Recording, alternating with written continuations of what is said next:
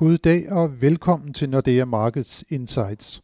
Mit navn er Helge Pedersen, jeg er cheføkonom i Nordea, og i dag har jeg chefanalytiker Jan Størup Nielsen med i studiet. Velkommen Jan. Tak.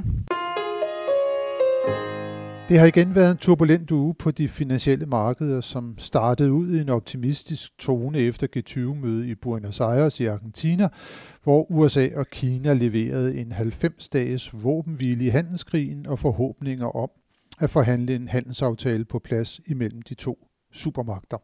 Et tweet fra præsident Trump om, at han er en tolvmand, fik dog vendt stemningen, som siden har bølget op og ned. Der har været en mere klar retning i renteudviklingen, som entydigt har været faldende, og lige nu har vi i Danmark de laveste renter, der overhovedet er registreret i år. Og Jan, hvorfor er det egentlig, at renterne bare er fortsat nedad? Vi sad jo her for et år siden og var helt overbevist om, at renten nu her ved årsskiftet ville være højere end i begyndelsen af 2018. Hvad er det, der sker på markederne? Jamen, det, det er sådan set et rigtig godt spørgsmål. Øh, det vi ligesom havde lagt op til, da vi gik ind i 2018, det var jo det her gode vækstbillede. Vi, vi kunne se, at den økonomiske vækst var stigende. Vi kunne også se inflationen stille og roligt kravle en smule højere. Og så var det jo naturligt at sige, at i det miljø, så skal renten selvfølgelig også højere. Øh, men vi må jo erkende, at stemningen er vendt, øh, og man kan sige, hen over året, jamen, så er det jo næsten blevet værre og værre sådan i forhold til... Øh, troen på økonomien. Der er rigtig mange øh, på de finansielle markeder, der ligesom tror, at vi har toppet rent vækstmæssigt, som måske endda tror, at vi er på vej ind i noget recession, øh, specielt i USA.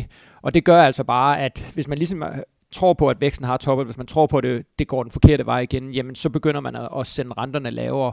Og så er det jo rigtigt, som du siger, så er det virkelig accelereret her med al den uro omkring handelskrigen, øh, og hvor det er gået virkelig, virkelig stærkt. Og altså en, en 10-årig dansk statsrente har vi jo nede i, i 0,2 procent. Altså, så det er, jo, det er jo virkelig ekstremt, det der sker lige nu.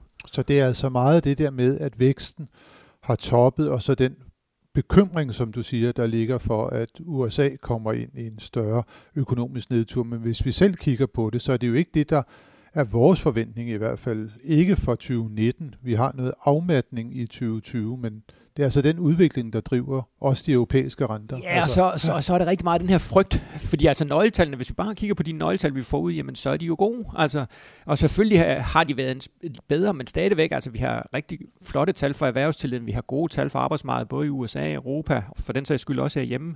Så det er rigtig meget den her frygt og ja, frygten for, hvad der kommer til at ske længere hen, som, som presser det ned. Øh, og, så, og der er, altså, sådan som jeg læser, der er der rigtig, rigtig meget psykologi i det her. Øh, fordi vi kan altså ikke se det. Vi kan ikke se det øh, så slemt i, i de rigtige, eller i de nøgletal, vi får ud. Altså det er usikkerhed, det er handelskrig, det kan være for Europas vedkommende Brexit, Italien og alt det, der ligger sådan og og giver et o hen over markederne. Ja, al den her usikkerhed, som, som bare gør, at investorerne de bliver, de bliver bange for, for fremtiden. Og, og når man bliver bange for fremtiden, jamen, så vil man jo gerne derind, hvor, hvor, hvor der er sikkert at være, og det er for eksempel danske statsobligationer, danske realkreditobligationer, nogle af de her sikre papirer, som man så søger ind i, og så får du altså de her kraftige rentefald. Så får vi rentefald, men nu siger du så, at søger man ind i noget, der er sikkert. Vi har jo altid haft, at den danske krone, den også var den, den sikre havn, så når vi så de her bevægelser med usikkerhed på de finansielle markeder, måske især også noget, der har været knyttet til Europa, så er den danske krone blevet styrket. Men det, som vi jo kunne konstatere her på det seneste, det er, at den danske krone, den faktisk er blevet svækket, og lige nu ligger på sit svageste niveau i tre år. Hvad er så forklaringen på, på, på det? Der må jo være noget isoleret på den danske krone så. Jamen det er, det er der også, og det er rigtigt, det er bemærkelsesværdigt, at, at vi har så svag en krone, som, som vi har lige nu over for euroen, og vi faktisk er på nogle niveauer, hvor vi i hvert fald tidligere har set, at Nationalbanken ligesom har været inde og sige, hertil er ikke længere, så de faktisk går ind og støtter opkøber danske kroner. Øh, og jeg tror rigtig meget, at det handler om, at den europæiske centralbank, selvom renterne er faldet, jamen så den europæiske centralbank, de har jo stille og roligt sagt, jamen vi stopper med opkøbsprogrammet. Vores udgang, der stopper de med opkøbsprogrammet, og på et eller andet tidspunkt i 2019, jamen der vil de formentlig også øh, begynde at ligesom lægge an til, til renteforholdelser.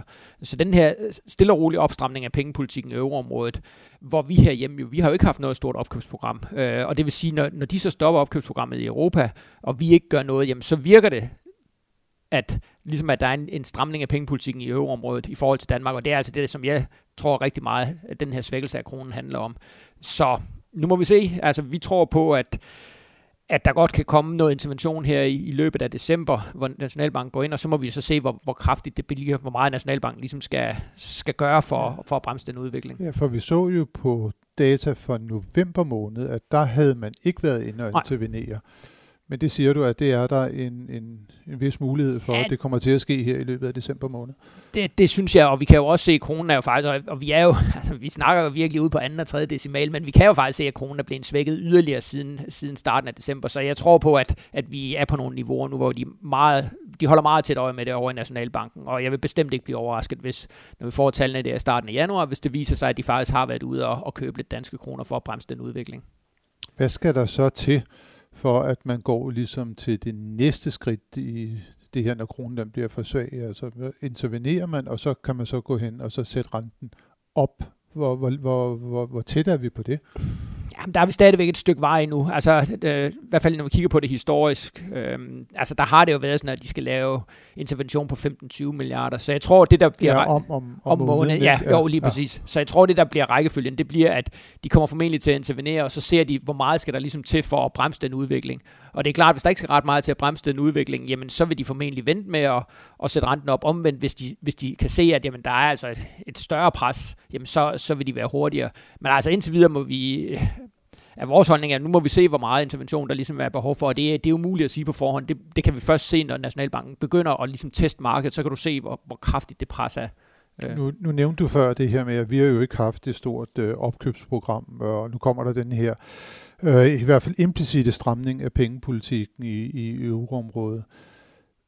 Kunne man forestille sig, at man i sådan en situation ville komme tidligere med den danske rentestigning, altså hvor man måske så lidt stort på, om man skulle op på 15-20 milliarder, men selv ved et lavere udstrømningsbeløb, så valgte at sige, at nu normaliserer vi ved at sætte, øh, sætte renten øh, lidt op. Ja, men det, det kunne man, altså der må vi jo sige, det, det er jo et eller andet sted lidt gætværk, fordi Nationalbanken, i modsætning til mange andre, fordi vi har vores fastkurspolitik, er jo øh, giver jo mindre information. De har ikke de her møder, hvor de ligesom fortæller om, altså de, de styrer efter fastkurspolitikken, øh, men jamen, jeg kunne sagtens forestille mig netop fordi, at øh, at de gerne vil normalisere det her. Og der er jo ikke nogen, der, det er jo ikke nogen naturlov, at vi skal ligge så langt under ECB. Vi har faktisk aldrig ligget så langt under ECB, som vi gør lige nu. Så man kunne sagtens forestille sig, at vi vil begynde lidt tidligere, og så, og så igen, så er det jo helt afhængigt af, hvad der sker med, med kronen, hvor meget der skal til ligesom for, for at stabilisere den.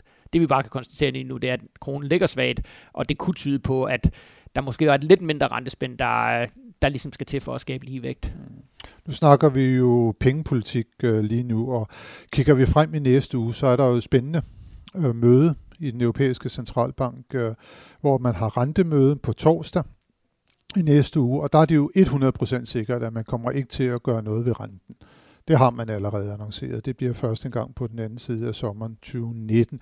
Men hvad er det så, vi skal holde øje med i de udsagn, der kommer fra, fra Mario Draghi og company? Ja, men altså, det som jeg vil høre meget efter, det er det her med, hvor bekymret er han for den øh, afmatning, der har været i de økonomiske nøgletal. Vil, vil de ligesom gå ud og, og, og sige, at de bliver meget mere bekymret, øh, eller vil de ligesom sige, at det er, det er ikke noget, som man sådan for alvor skal være bekymret for. Og det, og det undskyld, men den, ja. den bekymring bliver jo så også udtrykt i den prognose, som de kommer til at fremlægge os. Ja, lige præcis. Så, så man, ja. det er både, hvad de siger, og så den prognose. Og der er jo ingen tvivl om, at de kommer til at, at skulle nedjustere deres, deres vækstprognose. Den er for optimistisk, sådan, som det ligger. Men det, også, men det er lige så meget den her retorik. Altså, hvor meget læser de i den udvikling? Altså, de følger jo selvfølgelig alle de her ting ekstremt tæt, så man kan få meget information af at høre, hvor, hvor bekymret er de for Øh, og igen, alt afhængig af, hvor bekymrede de er, eller ikke bekymrede, jamen, det giver jo også en indikation af, hvad har de tænkt sig at gøre med pengepolitikken. Altså, vi tror jo først, at de vil sætte renten op langt, langt ind i, i 2019.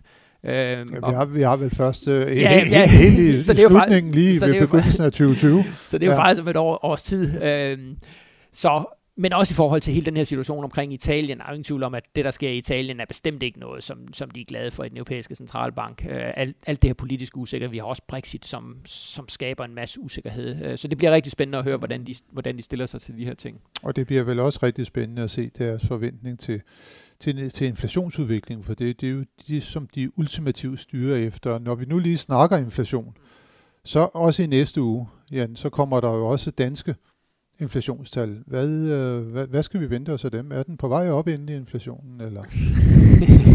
ja, men det, jeg tror ikke lige med de tal, vi får for november, der tror jeg, den vil være uændret på 0,8 procent. Øh, der har været meget kraftige prisfald hen over november øh, på, på olie, og vi kan også se, at benzinprisen er jo virkelig øh, faldet kraftigt. Og det tror jeg altså sådan på månedsbasis, så vil det trække noget, øh, noget ud af inflationen, så vi kommer til at ligge på årsbasis på de her 0,8 uændret.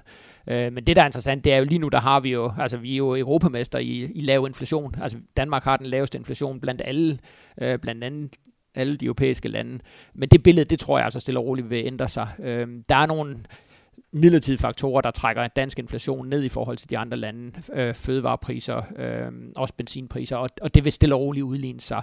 Så jo, jeg tror, inflationen skal højere i Danmark også, når vi kommer ind i 2019, men specielt i forhold til øvreområdet, så tror jeg altså, at, at den forskel, der er lige nu, den vil, den vil udligne sig.